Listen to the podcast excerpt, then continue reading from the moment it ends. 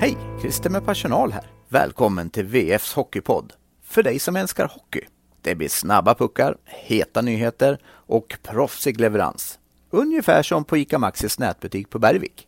Här kommer VF Hockey, veckans FBK-lag.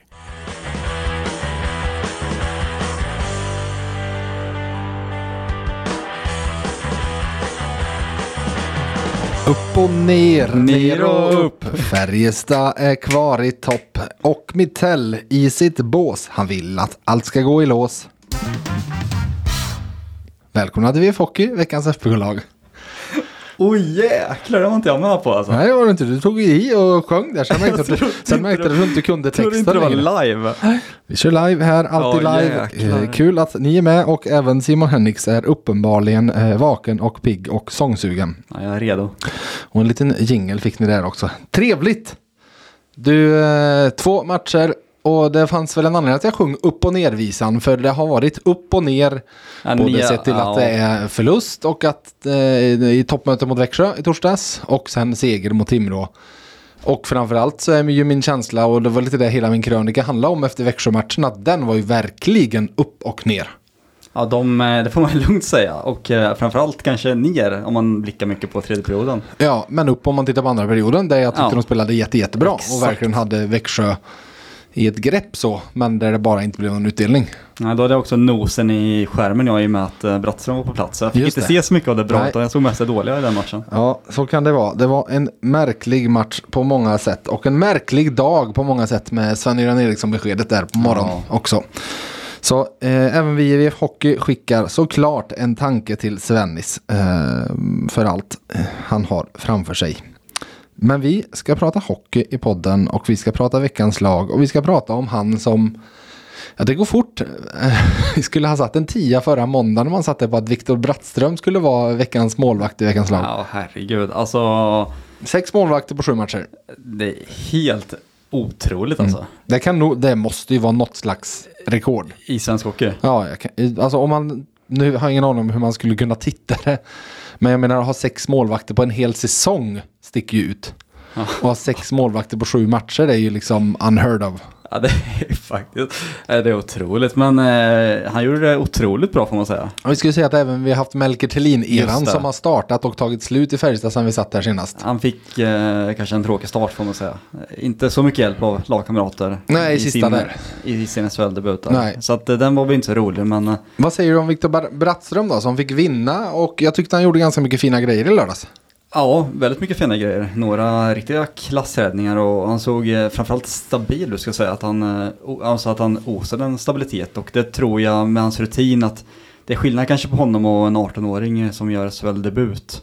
Eh, och för att citera honom här så, um, han gjorde ju en liten eh, segergest där efteråt mot eh, sina fans. En liten... eh, Stefan Liv-inspirerad nästan. Ja, en liten kullerbytta. Då sa han det till mig att det är mitt vinstmove. Jag brukar göra så efter seger även om det var länge sedan sist. Och om man tittar på senast han vann SHL-match så var det 23 september. Så att det, Ja, var, just det. det var ett tag sedan.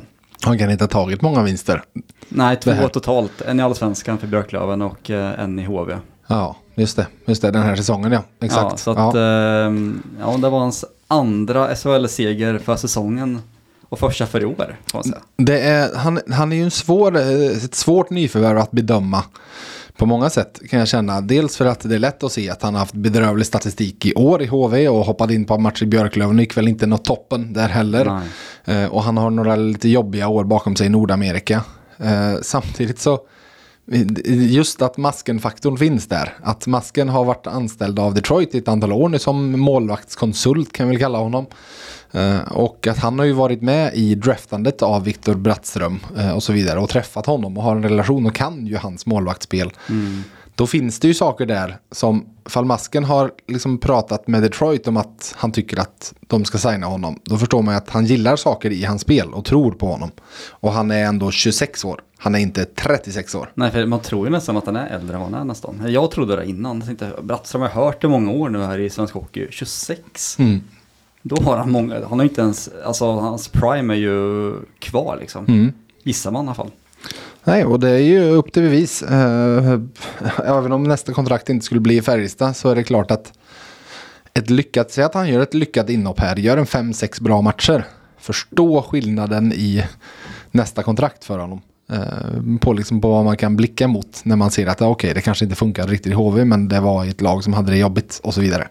Färjestad är väl inte kanske det främsta laget men ett av um, topplagen där man kanske som målvakt är mest eh, bekväm och kanske har lättast att göra. Mm. Med en ganska stabil, alltså stabil uh, försvarssida. Mm.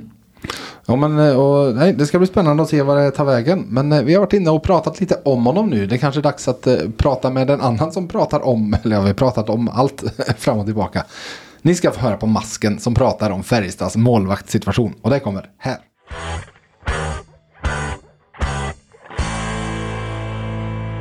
Viktor Brattström som eh, tar en, eh, en plats i, i veckans eh, FBK på målvaktssidan och en som låg bakom att han hamnade i, i Färjestad. Du kan ju du kan berätta själv, var det, var det ett namn som låg högt upp på listan eftersom ni har en, en relation sedan innan? Ja, men eh, det är ju, det är ju vår sportdirektör Rickard Wallin som sköter rekryteringarna men det är klart att vi har dialog fram och tillbaka och hur vi ska hantera situationen och vad som vad som passar in i lagbygget. Eh, så det är ju en dialog mellan eh, mig och Rickard, men det är ju han som tar de besluten i slutändan. Nu har ni också använt er av, av sex målvakter på, på de sju matcherna. För dig så kanske det är en vardag, men för spelarna som är framför honom då, så påverkas de någonting av att det är mm, olika målvakter match match? Jag tänker kanske framförallt på, på hur man beter sig i försvarsspelet.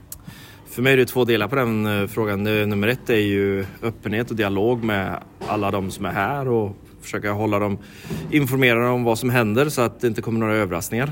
Ehm, och när det kommer till eh, våra spelare så räknar vi med att de är så pass professionella så att de fortsätter att spela efter de linjerna som, som vi drar upp och eh, även om det kan se lite olika ut per målvakt så försöker vi behålla vårt försvarsspel så mycket vi bara kan och bygga på, på det arbetet som vi gör. Så det är klart att det blir ett nytt, nytt ansikte att lära känna på ett personligt plan men ute på isen då måste vi spela ishockey. Vi får också många frågor kring eh, Legacy och eh, Limo och deras Du som ändå jobbar nära dem, hur, eh, hur är deras eh, humör? Det, det, är klart det är inte lätt att vara borta eh, och nu verkar det som att de blir borta eh, ett tag till. Men, men du som ändå jobbar nära dem, hur, eh, hur mår de och eh, hur, ser, eh, hur ser framtiden ut? Ja, men de, eh, de mår nog ändå relativt bra och de gör ett jättebra jobb med att stötta varandra.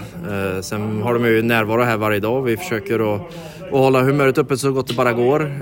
Det är vissa steg som vi behöver ta oss igenom och, och den stora utmaningen där är väl kanske att ha tålamodet till det hela. De vill ju vara med och bidra och vara en positiv del av laget så det är klart att att det är någonting som vi diskuterar men, men i det stora hela så på ett personligt plan så tror jag att de mår väldigt, väldigt bra och eh, stöttar varandra och de har framförallt stöttat de här killarna som har kommit in och och hjälpt oss under den här perioden på ett fantastiskt vis. Eh, ledarskapet de har visat här har varit exceptionellt. Så, ehm, jag skulle säga att de mår bra eh, och vi följer rehabplanen så, så gott vi bara kan och när de är redo för spel då kommer vi att kommunicera det.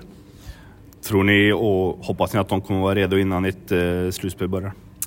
Jag tänker inte ge mig in i en diskussion kring datum hit eller dit utan Vis av erfarenhet och efter att ha haft dialog med vårt medicinska team så finns det ingen anledning för oss att kommunicera ut en, en tidsplan utan eh, vi jobbar efter, ut efter den rehabplanen vi har och när de är redo då kommer vi att berätta det. Nu är den här. Kia EV9 är e, en helt elektrifierad SUV med ultrasnabb laddning, oslagbar komfort upp till sju sittplatser och en räckvidd på upp till 505 kilometer. Kia EV9 öppnar en värld av möjligheter. Kia, movement that inspires. Vafa bil, din bilaffär och A-bilar i Arvika. Yes, vi hoppar vidare i veckans lag till backar och där första backen ut är han där idag kom uppgifter via Expressen och Sanne Svensson-podden om att han är överens med Färjestad om ett eh, nytt kontrakt. Och eh, vi hade Jonas Griberg på träningen och eh, det han kan väl säga så här då. August Thornberg sa en sak med ord, han sa en annan sak med ansiktet. Eh, så lät det väl på Gribba. Ja, okay. Det fanns ett, eh, det, hans pokerface var inte det bästa. Så att vi kan nog skriva in det här kontraktet där om någon nu hade tvivlat. Eh, fick inte spela faktiskt mot Växjö, ställdes utanför då. Var tillbaka mot Timrå och jag tyckte han var riktigt stabil och framförallt så visade han ju det som verkligen sticker ut. Att han om Färjestad får problem i powerplay. Då är det ju bara att skicka in August Thornberg som playmaker ner på Oh, ja. ena teckningscirkeln. Alltså vilken passning det var. Flickmackan där, Ja. där eh, Staffan Kronwall trodde att det var Tomasek som passade. Exakt. Då förstår man. Eh, och jag menar, hade det var ett ben eller en klubba som kom i vägen. Annars hade ju Ejdsell gjort mål. Ja. Och då hade vi suttit och snackat om veckans framspelning. Ja, Eh, exakt. Att, nej. Imponerande där av Thornberg som har många verktyg i sin låda. Vem har vi som andra back?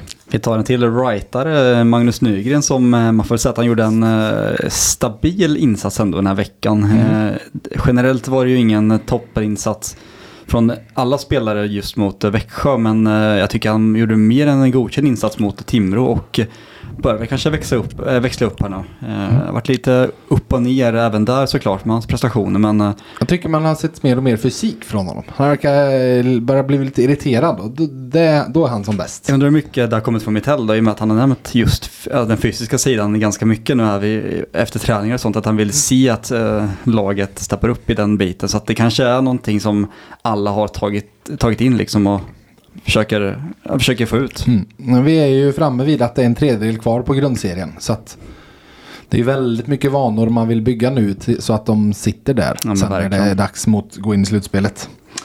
På tal om eh, slutspel så har vi en som nu kanske han har kommit upp i lika många Färjestad-matcher i SHL som han gjorde matcher i JVM i Sverige. Liam Ögren som tar en av forwardsplatserna. Jag har plus och minus på honom. Vad vill du vi ska börja med?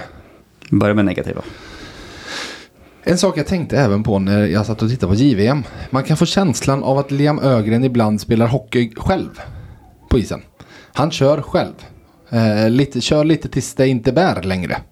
Eh, I JVM var min känsla, där så tycker jag att, eh, där, jag satt och tänkte match efter match på, nu ska vi se, Oskar Pettersson är det väl va? Eh, Rögle-writaren som var i den formationen. Det var ju Filip Bystedt och han. Ja, just Jag tror han heter Pettersson. Något, ja, writaren ner från Rögle.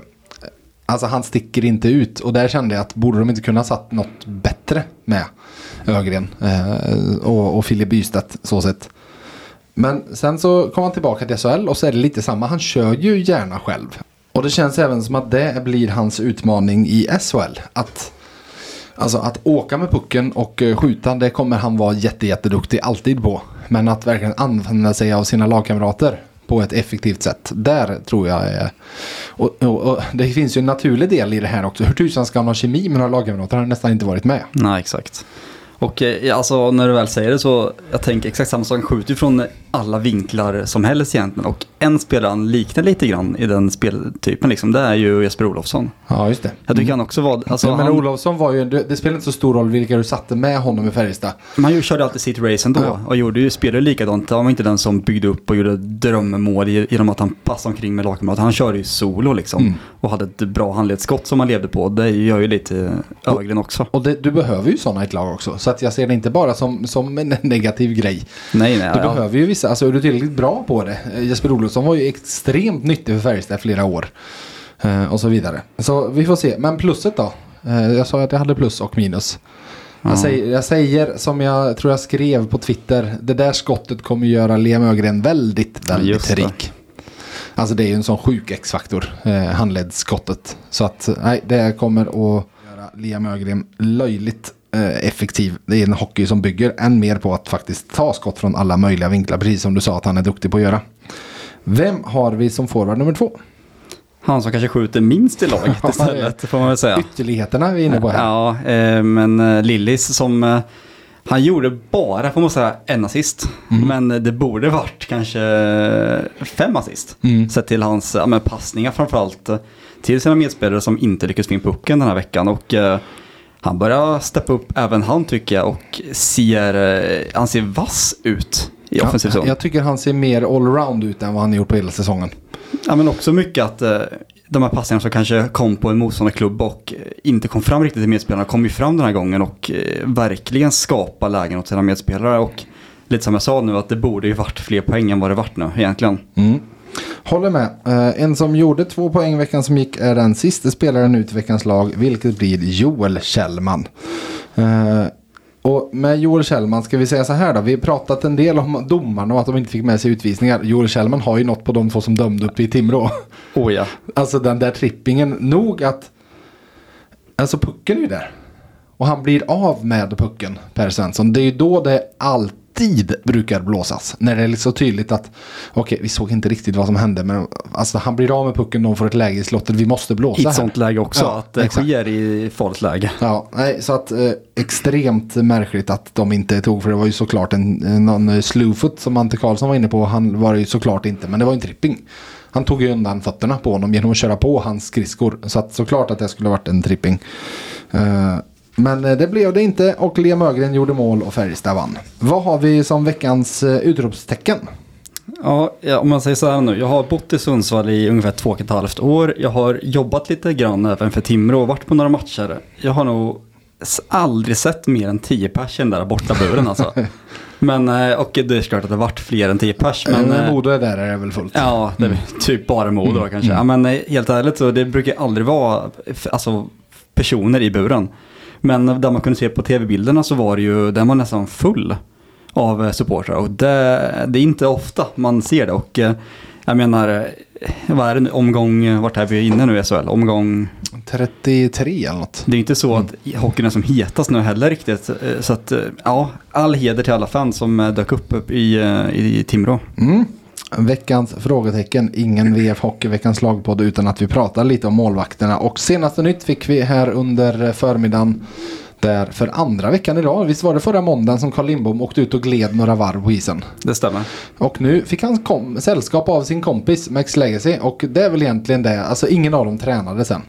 Eh, Och det enda Thomas Mittell har sagt är att det går framåt och att ingen av dem kommer träna imorgon. Så, det, så långt vet vi. Men jag säger så här, ifall vi då driver vidare den tes som ingen har bekräftat men som vi väl kan anta att Max Legacy faktiskt åkte på en hjärnskakning. Så är det ju väldigt positivt att han är där, att han är på plats. Eh, så sett.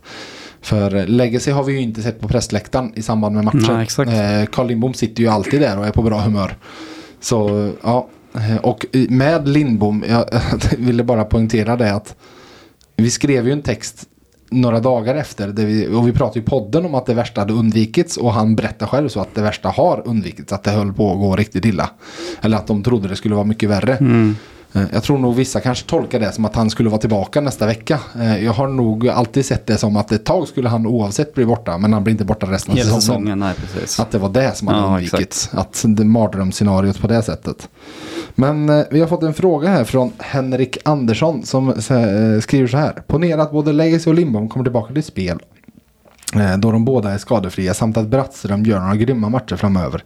Vilken målvaktsduo tror ni att FBK kommer gå med i slutspelet? Är det lika givet med Legacy Lindbom i det scenariot jag jämfört med nu innan skadan? Det tror jag absolut att det är. Och jag tror att Brattström också kanske är fine med det. Ehm, sen vill ju han såklart ta en plats och han kommer göra sitt allt för att ta en plats. Men Färjestads plan är väl fortsätta att behålla samma målsduo som har varit hela säsongen så gott som. Ja, och vi kan ju säga att Viktor Brattström lämnade ju en plats som tredje målvakt i HV där han inte fick spela. Nej. Mot att faktiskt nu få spela ett tag i Färjestad. Och få komma till en annan målvaktstränare och en annan miljö och så vidare. Ja, ja men den tror jag är rätt given ändå. Ja, eh, vi matar på för eh, ni är duktiga på att ställa frågor. Ehm, så eh, har du någon, någon till mig där? Vi kan väl fortsätta med Henrik här som även frågar här. Ehm, när förlänger Wallin med Growlow? Jag tycker han har gjort det riktigt bra i de matcher han har spelat, både innan och efter skadan. Ja, precis. Eh, och det, det är ju många, jag kan även baka in den för Jonas Jokinen ställer också en fråga. Nu när Tornberg verkar ha förlängt sitt kontrakt så är det inte mycket plats kvar på backsidan till nästa säsong. Och tyvärr tycker nog Growl, eh, tyvärr tycker nog Growl också då, vad tycker ni FBK ska ta in för någon back? De hör ju ihop lite. Eh, och i Growlows fall så är jag tämligen övertygad om att en, och jag tror vi har pratat inne på det förut också, att en sak kommer att avgöra hans öde och det är hur bra han är i slutspelet. Ja, Han måste visa att han är en riktigt bra slutspelsback. En sån som du känner att, ja men, när vi kommer till, till slutspelet, då kommer vi verkligen ha nytta av honom. En Ole Christian Tollefsen, liksom. Det här klassiska om att det finns spelare som tar dig till slutspel och det finns spelare som du vinner med i slutspel. Du behöver båda två i en trupp för du behöver ta dig till slutspel också. Du behöver ha de här som briljerar hemma mot Oskarshamn en eh, torsdag i november så att du vinner med 6-1. Ehm, och du behöver de som går i tung trafik i den där sjunde avgörande matchen som, som ingenting stoppar. Och det här var vi inne på när vi pratade Färjestads fysik på backsidan och så vidare. Där har han ju verkligen visat Growlon när han kommer tillbaka att fysik är ju ett element han adderar som inte alla andra har. Ja, det var väl en försmak man fick där av hans alltså, comeback-vecka någonstans. För att eh, så som han eh, gjorde, då, alltså så som han spelade då, det är ju verkligen slutspelshockey. Mm. Och Ja, det kan ju absolut. bli extra nyttigt då. Det är väl en grej att man spelar så i en grundserie när Ja, eh, men 20 plus andra spelare inte spelar så, men eh, 20 spelare spelar så kommer han vara jättenyttig med det, för då kommer han kanske sticka ut och vara bäst Mm. på det här spelet. Så att, Ja, eh, absolut. Ja, det blir intressant att se om man, eh, som du säger, kan eh, fortsätta med det där och kanske sticka ut och vara bäst på just. Ja, men precis. Eh, sen Jokinen var inne på lite där om vad, vad vi tycker Färjestad ska ta in för någon back. Det jag vet är ju att Anton Lindholm som det nu verkar inte bli Rögle Schweiz, utan va? Bern. Ja. Kompis med Ejdsell där nere. Just det. Färjestad var på honom. Och försökte verkligen på honom. Jag tror de drog sig ur någonstans. Men eh, alltså, det hade varit jättekonstigt om Färjestad inte var på honom. Med tanke på det här vi har skrivit om. Att Thomas Wittell älskar honom. Det är hans favoritback och han gillar dessutom Thomas Wittell. Så det hade ju varit Mm. öppet. Ja, det hade varit att inte skjuta mot öppet mål. Att Nej. inte försöka i alla fall. Eh, att de högg på honom säger ju ganska mycket tycker jag. Att de kan vara beredda att det är en riktig, riktig toppback som ska in i den här backuppsättningen. Eh, och det här har vi ju...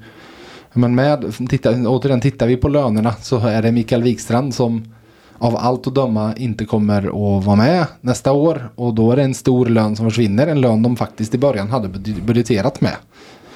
Så att rent löneutrymmesmässigt löneutmässigt, eh, utrymmesmässigt så borde det finnas 200 000 där. Var man nu ska lägga det.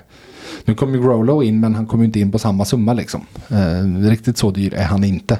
Frågan är ju, det kommer ju inte vara någon ren spetsback, alltså offensiv spetsback som kommer in. För det, kommer Det beror ju på vad som händer med Joel Nyström. Men Fall tror- Joel Nyström försvinner då är det ju en top right skyttback som ska in. Men det känns som att Mitell inte, alltså då måste han ändå tänka vara någorlunda tvåvägsback ändå. Alltså inte ren offensiv back. för det tror inte jag Mitell kommer nej, vilja ha. Kanske inte en sån, men en... Eh, nu menar jag en toppback i form av en eh, alla Karl Dahlström. Att det är liksom en, en eh, meriterad...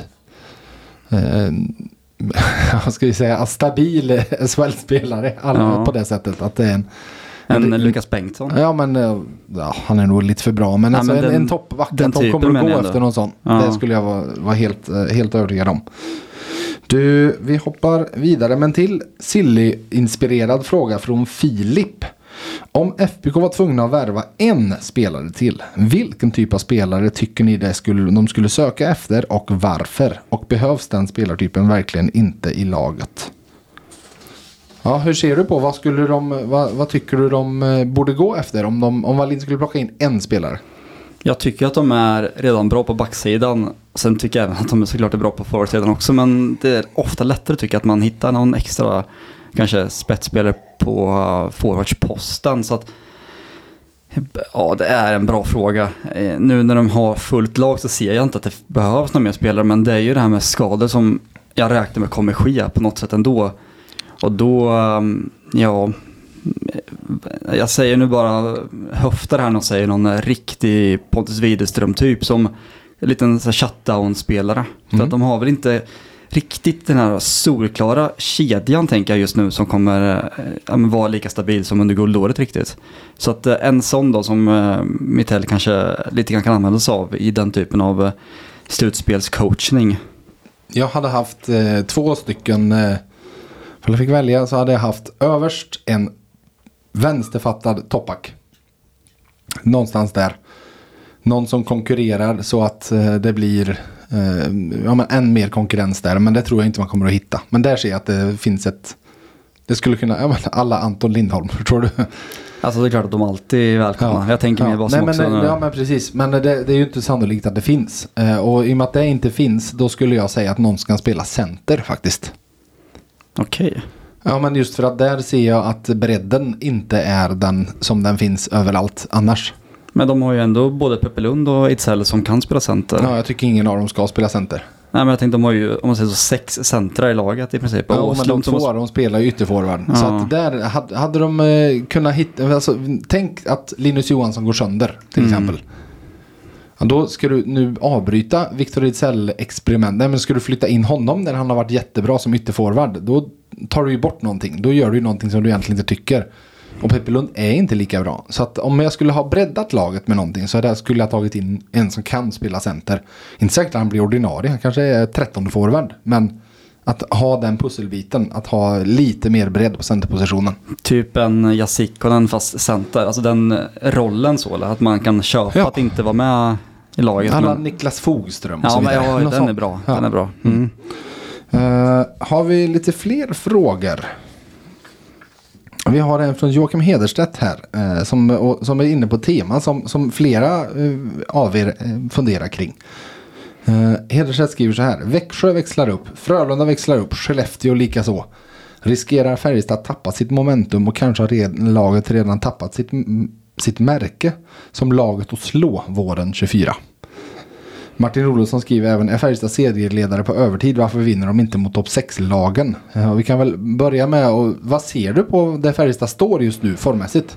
Ja, de är ju en liten svacka får man väl säga. Och som man säger att många lag verkar ju steppa upp. Men man ska också ha klart för sig att det är ju cirka 20 matcher kvar av säsongen. Och jag tror inte det är nu man ska toppa formen heller. Så att eh, ha någon, or, alltså, någon oro för Färjestad just nu när man nu är serieledare tycker jag inte man ska behöva ha.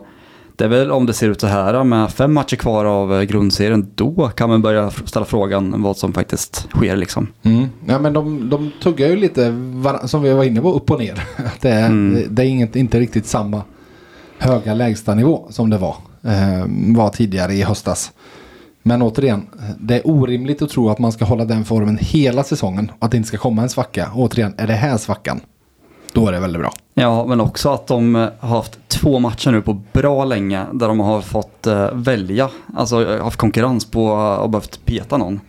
Det är första gången, två gånger nu på väldigt länge och alltså man märker väl kanske direkt att om det här håller i sig nu att de får sätta en back på läktaren och får ha en 13 forward från ordinarie laget så då kommer det ske konkurrens och då kommer förmodligen alla höja sig lite grann gissar jag. Har du ett företag och vill nå ut genom våra poddar? Lägg till poddannonsering i din mediemix för att skapa ännu större effekt. Kontakta oss på mediepartner.nvtmedia.se. Vi hade ju den Martin som ställde frågan om varför Färjestad var serieledare på övertid och varför de inte vinner mot topp 6-lagen. Han fick direkt svar av eh, Hans Svensson, Bodabasse på Twitter som skrev Eh, han ifrågasatte ifrågasättandet ska jag väl säga. Vad då vinner inte mot topp 6-lagen. Växjö en vinst, två förluster, poäng 3-6. Skellefteå två vinster. Eh, 6-0 i poäng. Eh, Linköping 1-1, 3-3 i poäng.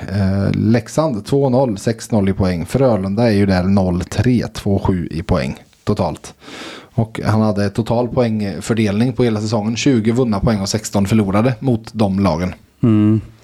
Ja, men eh, känns inte som att många supportrar, det här med kraven på Färjestad, att det gick så jäkla bra i början och nu när de har lite svacka så blir det ofta kanske en negativ ingångsving, eller ingångsvärde så i, i det mesta. Mm. Lite så känns det som när man också får frågorna här nu, tittar här i ditt flöde så är det mycket kritiska frågor och frågetecken och nästan lite oro rent av faktiskt. Mm. Ja, nej, men vi får se. Eh, Och på tal då om åsikter och Mikael Lindqvist, ska vi säga att han är en polariserande spelare? eller? Ja, får man säga. Ska vi börja med det första? Ja, men vi kan ta Robban här som eh, Micke Lindqvist, vilken grym tvåvägsspelare han har blivit under Mitell. Prata lite om det tycker han. Mm. Och sen kommer eh, Anders Blomdahl som skriver i Linkan hade vi för en sniper i absolut toppklass som sen skolats om till en tvåvägsspelare. Målskyttet har ebbat ut samtidigt är han lite för lätt för det fysiska spelet. Slöseri på grym talang. Målskyttar är trots allt ovanligare än hårt jobbande tvåvägsspelare. Vi kan väl också ta Magnus Jonsson här som även han eh, har gett sig in i frågan här. Inte Mikael Lindqvist väldigt anonym nu för tiden? Eh, har väl en del skottförsök men inte många som känns superfarliga. Nej, du pratade ju med Linkan efter matchen i torsdags där han ju var några millimeter från att bli eh, 2-1 skytt. Och det är liksom inte alternativt universum för Färjestad startar ju faktiskt tredje perioden som Mittell var inne på helt okej första 4-5 minuterna innan Växjö gjorde 2-1 målet. Och jag tror det var Lillis va, som spelade fram eh, just med på tal om hans framspelningar. Ja, Lindqvist på bortre stolpen och han skjuter liksom längs med mållinjen genom målgården utan att det träffar någonting man går ut på andra sidan. Var det inte räddning? Var det räddning? Jag tror nästan Ja. att det var en räddning. Men eh, oavsett så är det väl det här uh, oflytet man har när man inte är i form får man Mm. väl säga. Tomasek hade inte missat det där. Nej. Och Ejdsell när han var i sin form hade inte han heller missat det. Men Ejdsell hade kunnat missat pucken och ändå skjuta, skjuta i rundhörnet. Ja. Och, och, nej, men eh, han var inne på det lite grann att lite kämpigt är det ju för honom också. Och det sätter sig mycket i huvudet sa han också. Att det är det som kanske är det stora problemet. Att man får jobba bort det där och Ja, efter den missade chansen innan de fortsätter. Han gjorde ju den här, åh, titta Ja, just upp i det. arenans tak bara. Alltså, när? När det ska var verkligen det. Ja, det var verkligen det. varför mig? Ja, exakt. Why always me, för att citera Mario Balotelli. Ja, ja men eh, vem vet också, om Göran mål säger vi nu eh, i kommande match så det kan ju lossna lika gärna. Det är det som är så, så konstigt med den här sporten. Att det räcker med ett mål och sen så är man ju eh, världsbäst nästan. Det man med eh, Anders Blomdahl tycker jag är ett intressant resonemang där om ifall det är ett slöseri med talang att ha gjort honom till en tvåvägsspelare om man säger så. Eh, jag vet inte om det handlar så mycket om att eh, de har gjort just Mikael Lindqvist till en tvåvägsspelare som att det krävs att du är en tvåvägsspelare i Thomas Mittells Färjestad. Eh, har du tänkt på hur Lukas Forsell har pratat om, om vad som krävs av honom? Ja, exakt. Men också med Linkan så lite måste väl ändå skadorna ha spelat in att han blivit en tvåvägsspelare. Jo, men så kan det ju vara. Eh, Alltså han hade hackiga år och så vidare. Eh, Sen så återigen, jag, jag är inte så pigg som han var i början av hösten. Jag tycker han har varit det stundtals och blixtrat till och så vidare.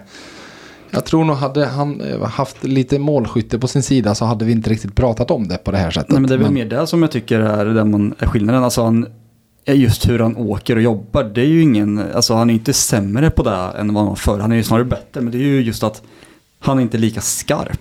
Nej, och vi ska ju även lägga till att han har ju petats från första PP i år. Ja. Eh, Det är ju nog att han spelar PP.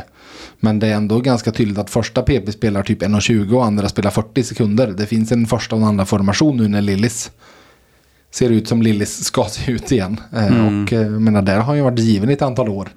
Och där är han inte längre. Så att så sett har han ju även fått en lite mindre roll eh, i det. Men det, det är som sagt det finns många åsikter om honom och Henrik J är också inne på hur ska fem, nummer 59, alltså Linus Johansson och 34, Mikael Lindqvist ta sig ur sina, denna, deras episka ja, det, var- formsvacka. det var ett uttryck. Ja, det var, det, var, det var hårt. Men vi har även Julia som är inne på lite åt det hållet. Fall vi spinner vidare. Ställer mig lite frågande till nummer 59s form. Tycker inte han har spelat med samma pondus och kraft de senaste matcherna som han brukar. Plus att han har tagit en hel del onödiga utvisningar på slutet. Jag kan hålla med. Eh, Han har inte haft sina bästa veckor.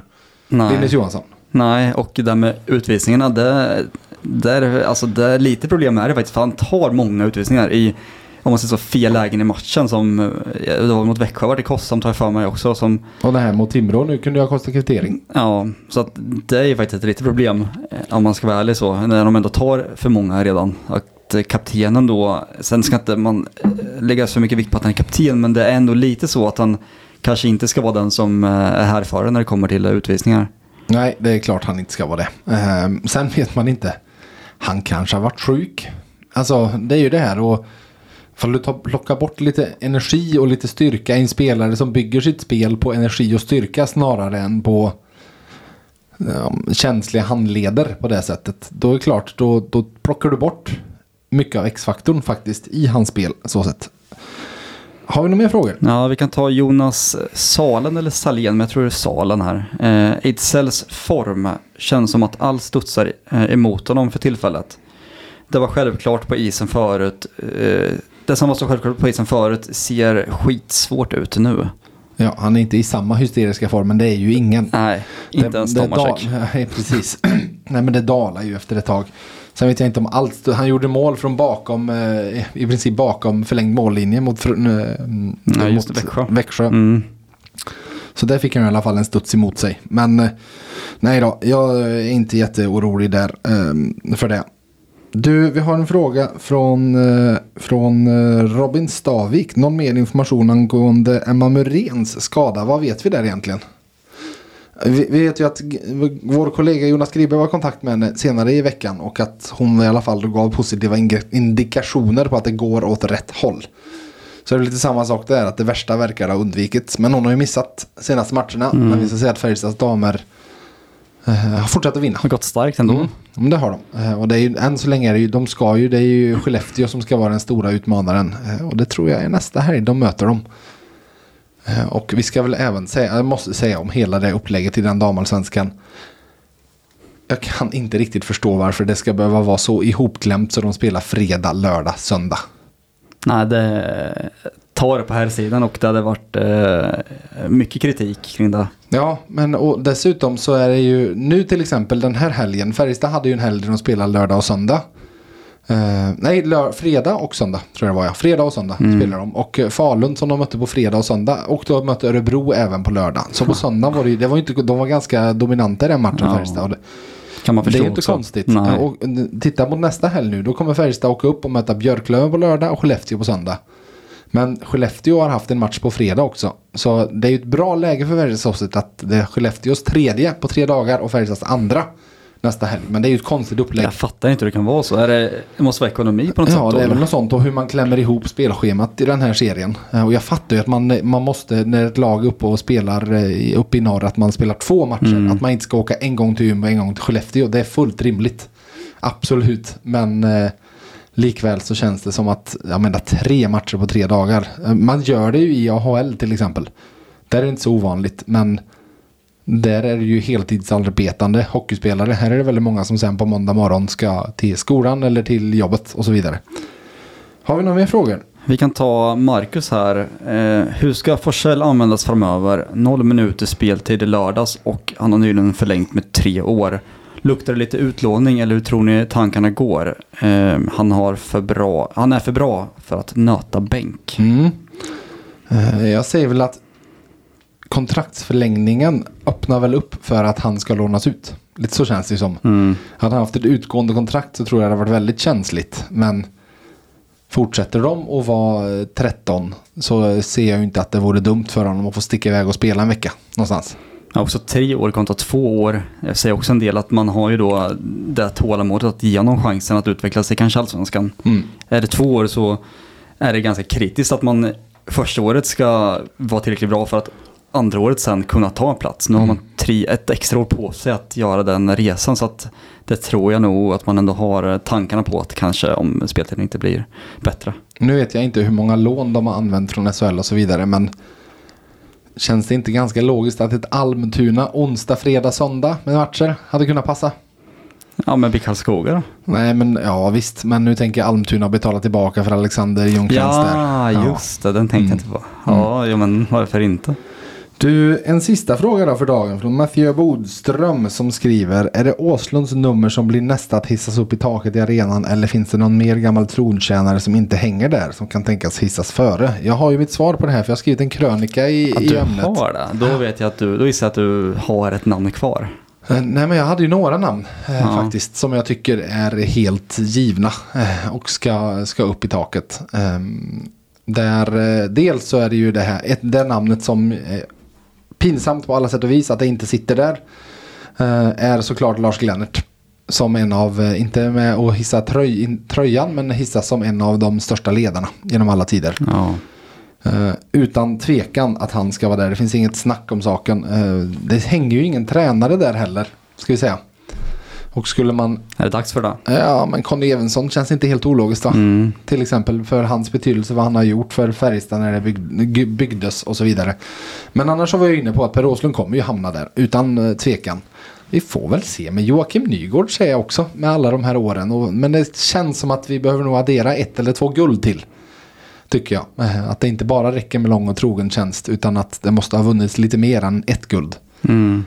Ehm, Men däremot så hade jag, den jag tycker är given som, eh, som är närmast och som de borde kunna ta när som helst. Men jag tror det har stoppats lite av den roll han har i klubben. Eh, Thomas Rodin. Jag tänkte på honom också. Ja, eh, där, där, det finns ingenting som säger att han inte skulle vara i taket. Nej. Det hade dessutom varit fint för det hade blivit den första egna produkten faktiskt som eh, hissas. Ja. Eh, Alla andra är eh, utom Socknes folk. Så sett. Pappas favoritgubbe kan jag också slänga in. Det är så, ja. ja. Ja. Så att, eh, Ja, nej men eh, min teori är ju att de bestämde sig för två namn när de tog Peter Nordström och Thomas, eller oh, tog Peter Nordström, att de bestämde sig för Thomas Rodin, då var han sportchef. Ja, då börjar man med Norda eh, och tar honom.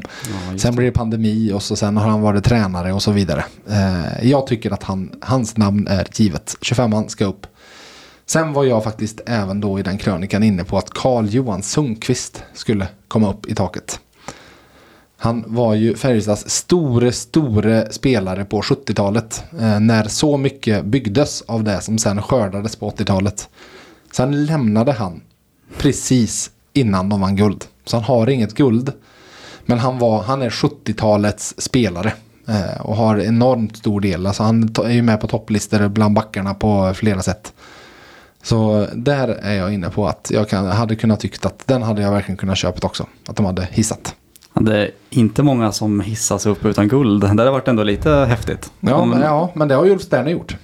han vann ju Ah, ingenting. Okej. Nej, eh, till exempel. Så eh, ja. I krönikan var jag även inne på om att jag har bytt lite åsikt kring Ulf Sterner. För där har jag tänkt och känt att, eh, vet du, tu- alltså Ulf Sterner är en av svensk hockeys största. Men han är kanske inte en av han är inte en av Färjestads största. Han gjorde fyra säsonger i Färjestad. Fyra eller fem säsonger, något sånt. Eh, där ändrade jag åsikt under när vi gjorde vår FIK Topp 90 förra säsongen om Ulf Sterner.